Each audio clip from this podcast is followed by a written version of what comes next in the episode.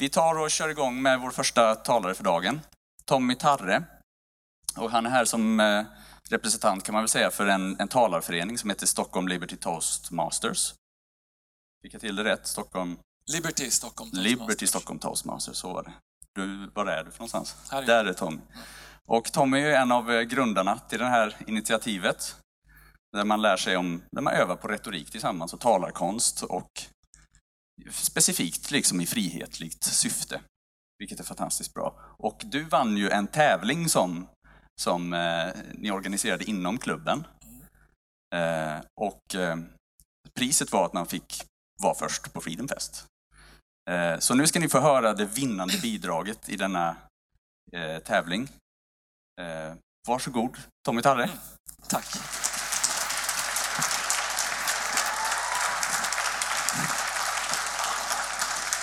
Tack Jon, tack Jon.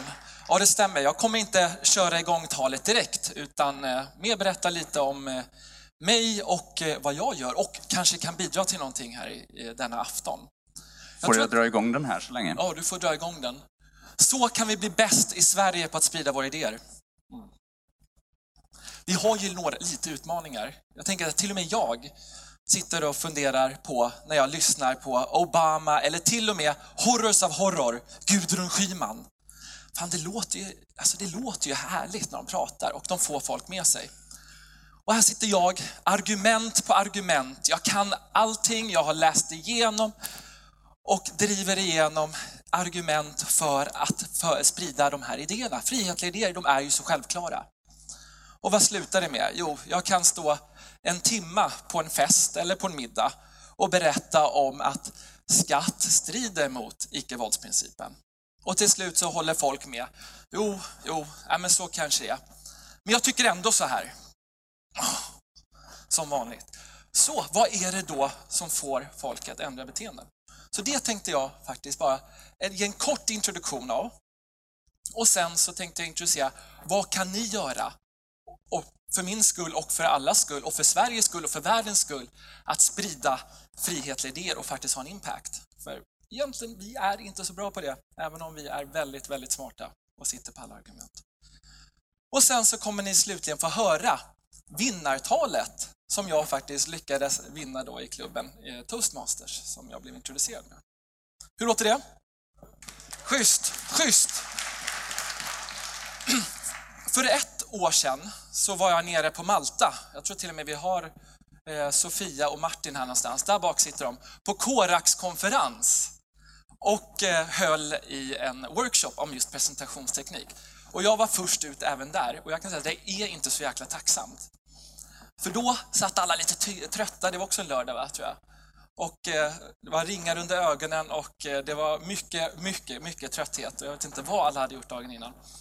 Men min, eh, som jag brukar vilja, är att bara få lite energi här. Och jag tror inte alla ni känner varandra. Så jag skulle vilja säga att om ni bara ställer er upp, ställ er upp allihopa. Och så vänder ni er till personen bakom er, ge dem en big high five och säg vad ni heter. Och vi kommer ha så jävla kul idag. Det är fan Freedom Fest för sjätte året i rad. Asbra!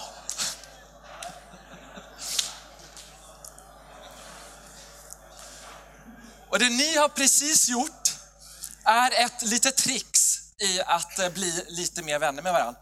Ni visar handflatan, jag är ofarlig, och ni dunkar till varandra och alltså så blir ni ofta, eller förhoppningsvis i en liten trevlig tillställning.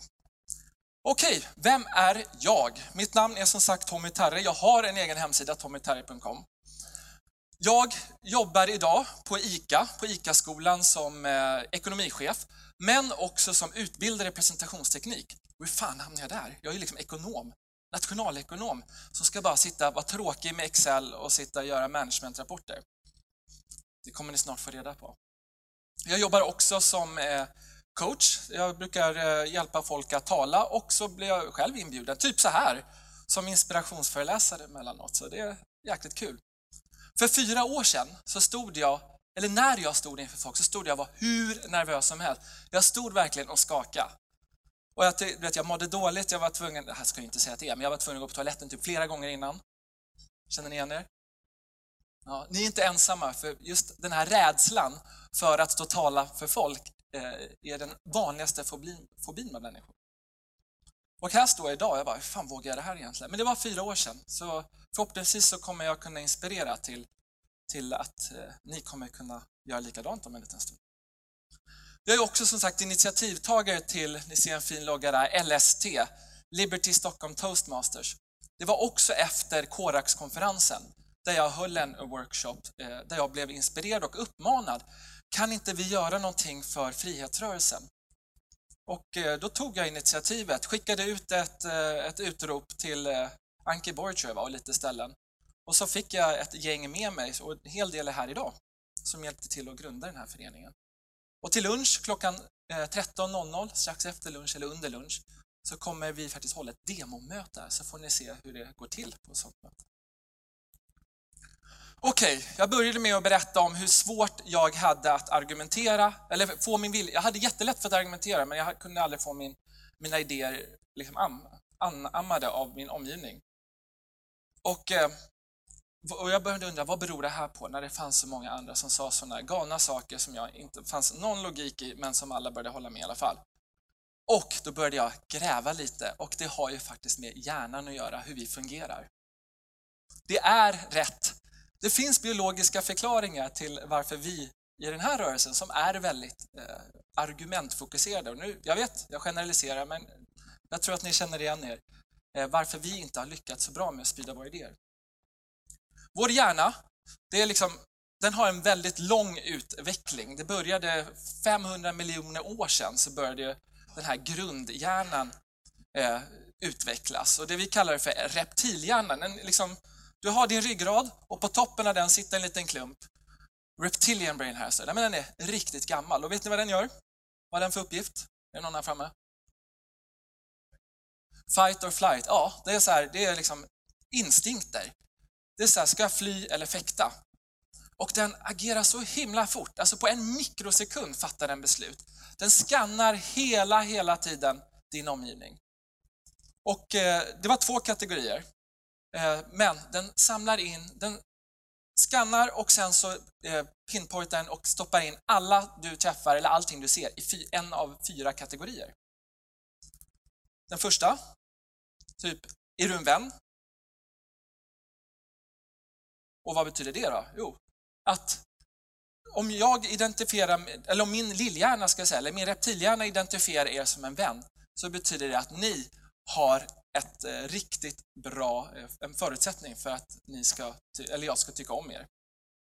När jag kom upp här på scen så tog det alltså en mikrosekund så hade ni redan bestämt er vad ni tyckte om mig. Hur kul är det för mig? Så jag verkligen hoppas att liksom, det blir lite vänskapligt här. Eh, det finns en annan eh, kategori och det är ju då motsatsen, fiende. Finns det någonting hos er, eller någonting hos mig som jag har triggat hos er, som indikerar att jag skulle vara ett hot, där ni behöver backa ifrån? Om jag gör det, nej, då är, det liksom, då är jag inte framme. Då kommer jag ha stor uppförsbacke. Och igen, det går på en mikrosekund. Så kanske det finns någon här som tänkte direkt, nej, det där är en, en riktig fiende. Och sen så har du en tredje kategori.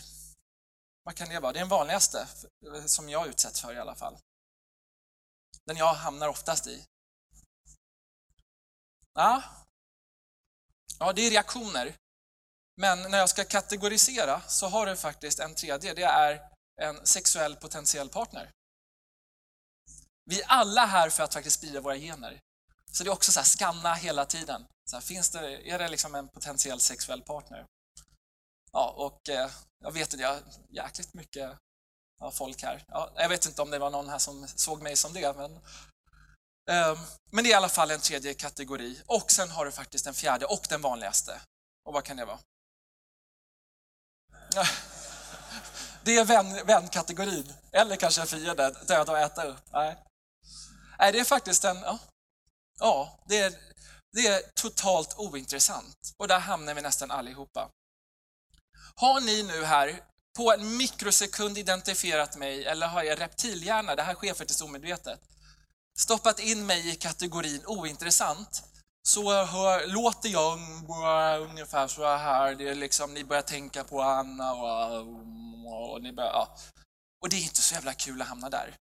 Så viktigt, viktigt, viktigt att vi hamnar i varandras vänkategorier. Det är liksom ett litet tips. Jag kommer snart eh, vidare i varför det är så viktigt. På toppen av reptilhjärnan så har vi någonting som kallas det limbiska systemet. Det limbiska systemet, vad händer där? Det är jättemycket som händer där givetvis, men i stora drag. Mm, ja, jag förstår, det här har vi svårt. Nej, alltså limbiska systemet, där samlas eh, mycket, eh, där finns känslorna. Det vi känner, när vi känner så här, sorg, när vi känner wow, det här är inspirerande, det här är riktigt bra, det här vill jag följa. Grundvärderingarna finns samlade i det limbiska systemet. Era, våra, eh, våra minnen finns där och det som driver beteendeförändring hamnar i det limbiska systemet. Den är också väldigt, väldigt viktig att veta. För genom reptilhjärnan så går sen eh, det in i limbiska systemet och där avgörs vad gör jag nu med de här signalerna från reptilhjärnan? Och sen på toppen av allting, som en stor hjälm, så har vi eh, neocortex. Det är liksom det sista expansionspacket här, eller expansionsversionen, eh, som är 200 000 år gammal och där sker all logik, allt tänkande. Det var där Ayn Rand, genom den hon skrev sina böcker, det är där symfoniorkestrar skapas och det är där argument finns. Och, det där vi, och jag tror att här, ja, jag ser, hade jag kunnat se in i era hjärnor så har ni så här stora neocortex just nu. Eh, och dilemmat med neokortex är att den är kritisk. Det är som ett det är som en, en, en vägg med vakter som sitter med sina AK4 och bara liksom, är det här några, är det här idéer eller åsikter eller någonting jag ska släppa in? Om i vår reptilhjärna, om vi har bestämt att det här är en vän, så går det sen upp i, eh, går upp i, eh, i limbiska systemet eller amygdalan där som tänker så här, mm, det här är, hur känns det här nu? Och neocortex kommer tro på att det här är en vän, därför neocortex håller på att fylla in massa osäkerheter där du inte vet. Så, om er reptilhjärna har bestämt att jag är en vän, då kommer neocortex försöka pinpointa och ta ut allting, eller cherry pick kallas det, plocka russinen ur kakan för att bekräfta att jag är en vän och att allt jag säger är bra. Har ni satt mig, eller har jag hamnat i, i, i fiendeland då så kommer ni, eller er neokortex, leta efter små, små detaljer och fylla i de här gapen som man inte känner till, om, som bekräftar att jag är en fiende. Och samma sak med sexuell partner då, att kommer det bekräfta, ja men ni känner igen förälskelsen, allt är perfekt. Och de här hemska egenskaperna, de är ju så söta och, och så vidare och så vidare. Så därför är det så viktigt att vi hamnar i den här vänkategorin och att vi talar till känslorna. Reptilhjärnan förstår inte ord, förstår bara kroppsspråk och lite ljud och, och, och allt som inte har med ord att göra egentligen. Tips där, nu är det verkligen en crash course. Öppna handflator, visa hela framsidan att ni inte är farliga, stort leende och ögonkontakt. Jättebra tips för att i alla fall skapa bäst förutsättningar att komma in i vänkategorin. Och när ni börjar då med argument direkt, vad händer då? Ja, men då finns det i din neokortex som kan hända, hmm, vad vill den här personen? Jag, jag, jag anar en dold agenda. Vi ska inte in i argumenten direkt, därför vi måste in i det limbiska systemet. Därför om inte reptilhjärnan eller limbiska är med, stänger den av neokortex. Vi blir alltså idioter. Så är det någonting som känns fel, då lyssnar vi inte. Och Den här är så viktig att förstå. För vi kan sitta och bli arga, vi kan slita oss i huvudet och vi kan lämna argument på argument på argument. Men någonstans så är det hemskt med det här argumentet nu. Känns det rätt? Ja, men då är det nog rätt förmodligen. Inget argument, men det är så vi faktiskt driver igenom förändringar. Och hur når man då det här känslan? Ja, men det är patos pratar i retoriken om etos, alltså har jag en trovärdighet att stå här? Litar ni på det jag säger? Patos, har jag känsla? Eh, och eh, logos, är det logiskt det jag säger? En argumentation behöver innehålla alla tre delar. Och då, för att jobba med patos, vad kan vi göra? Jo, men det är att måla med bilder. Eh, måla upp en bild på hur, hur smärtsamt det kan vara om en viss del händer. Det, ni har ju hört det så många gånger. Tänk på de stackars svaga och fattiga. Tänk på barnen som lider. Det här är inga argument, men det känns. Och då så spelar det ingen roll hur bra argument du har. Du kommer inte driva beteendeförändringar. Och det är det som jag vill verkligen få med alla här att vi kan, vi måste in i känslan för att faktiskt kunna påverka. Och det här är inte så svårt som du kan tro.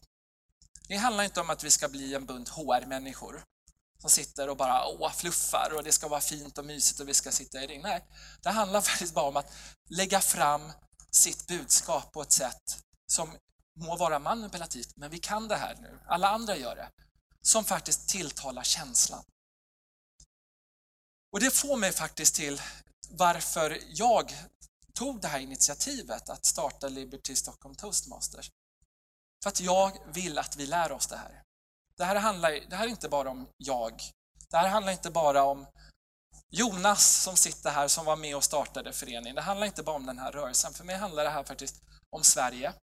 Det handlar om världen. Det handlar ju faktiskt om att vi måste försöka få en frihetligare värld.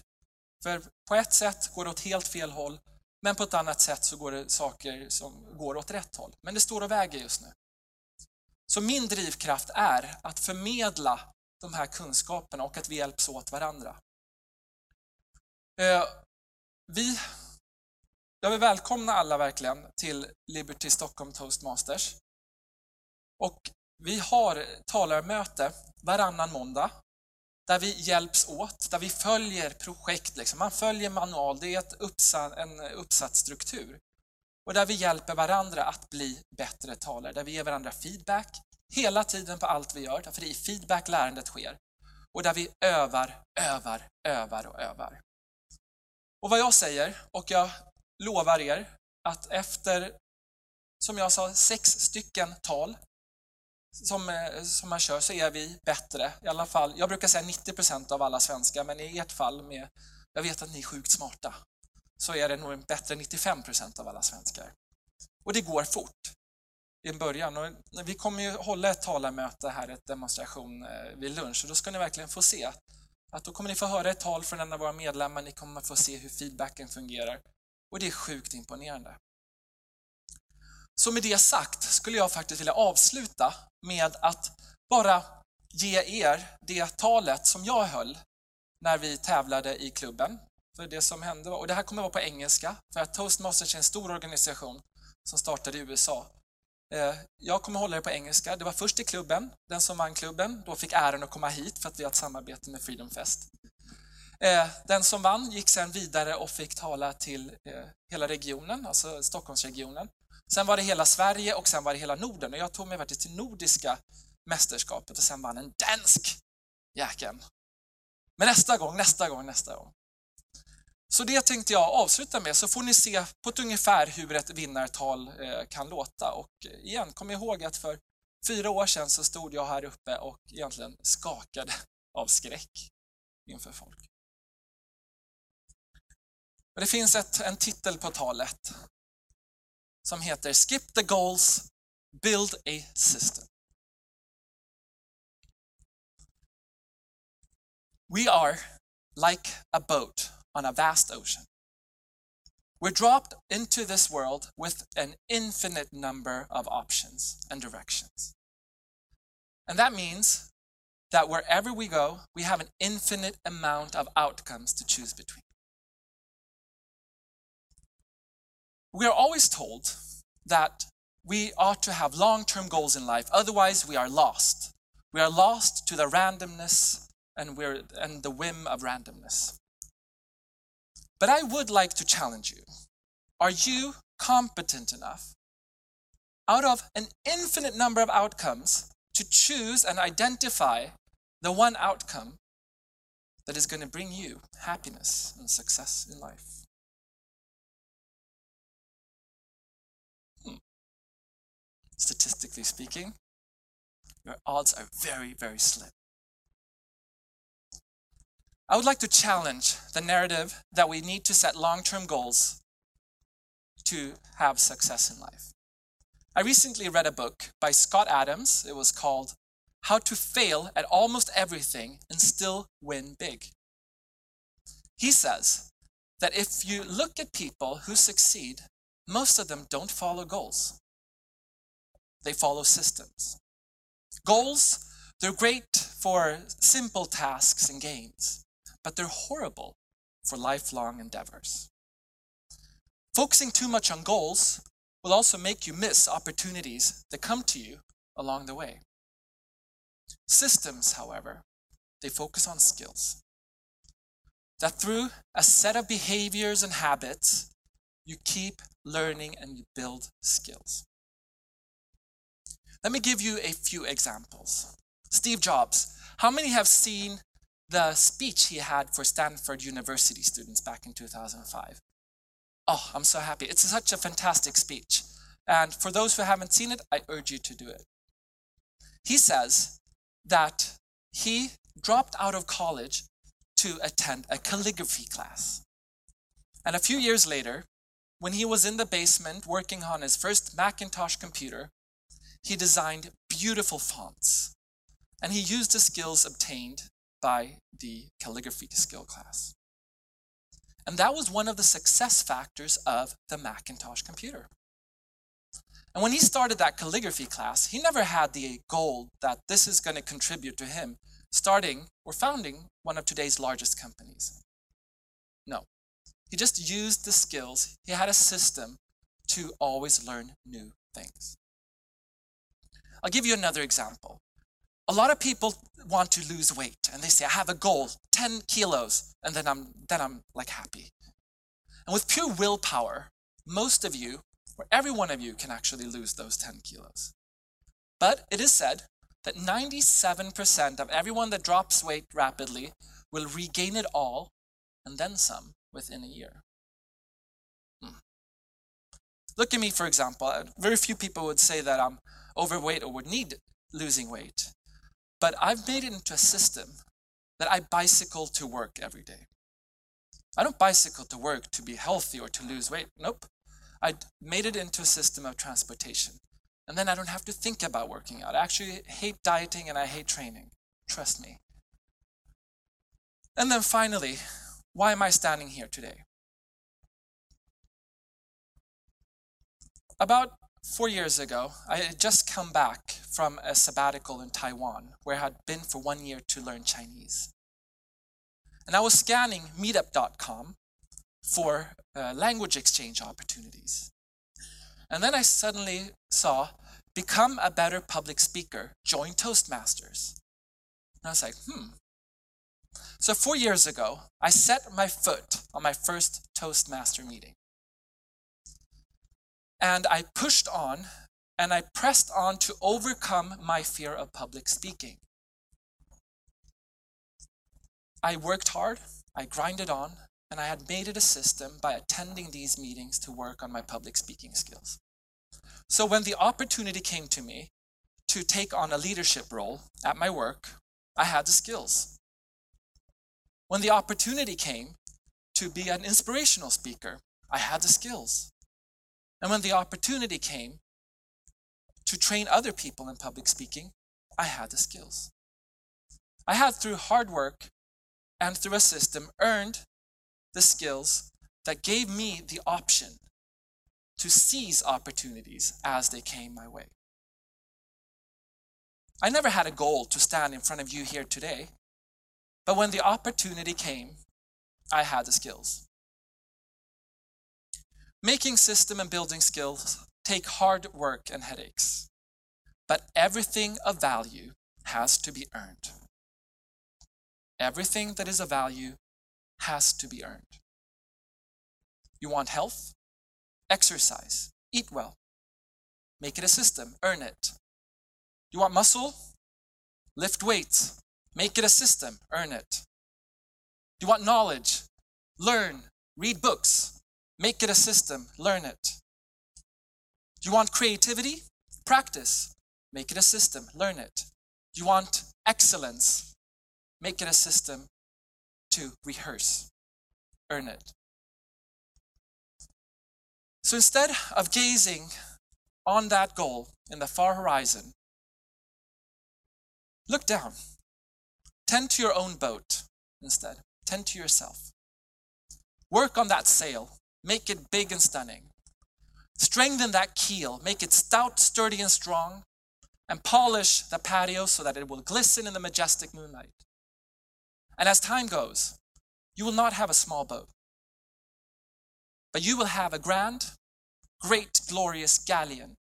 So when the next wave, huge wave of opportunity comes your way, you will have the skills to seize it, surmount it, and succeed.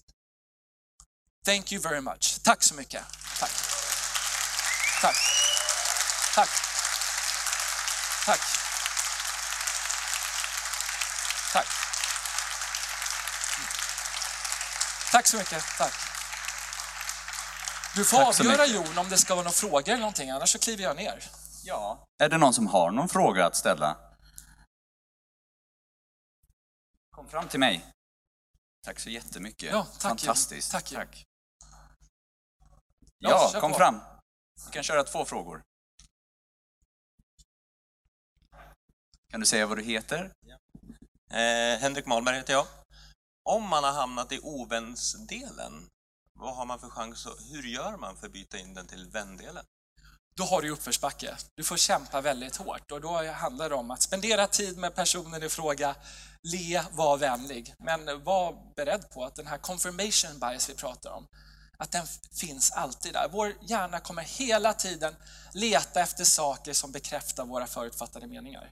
Och vi kan ändras, men oftast ofta så sker det just genom känslan. Så få mig att må bra, så är du, har du i alla fall en vägbit på att ta mig in till vänkretsen. Tack.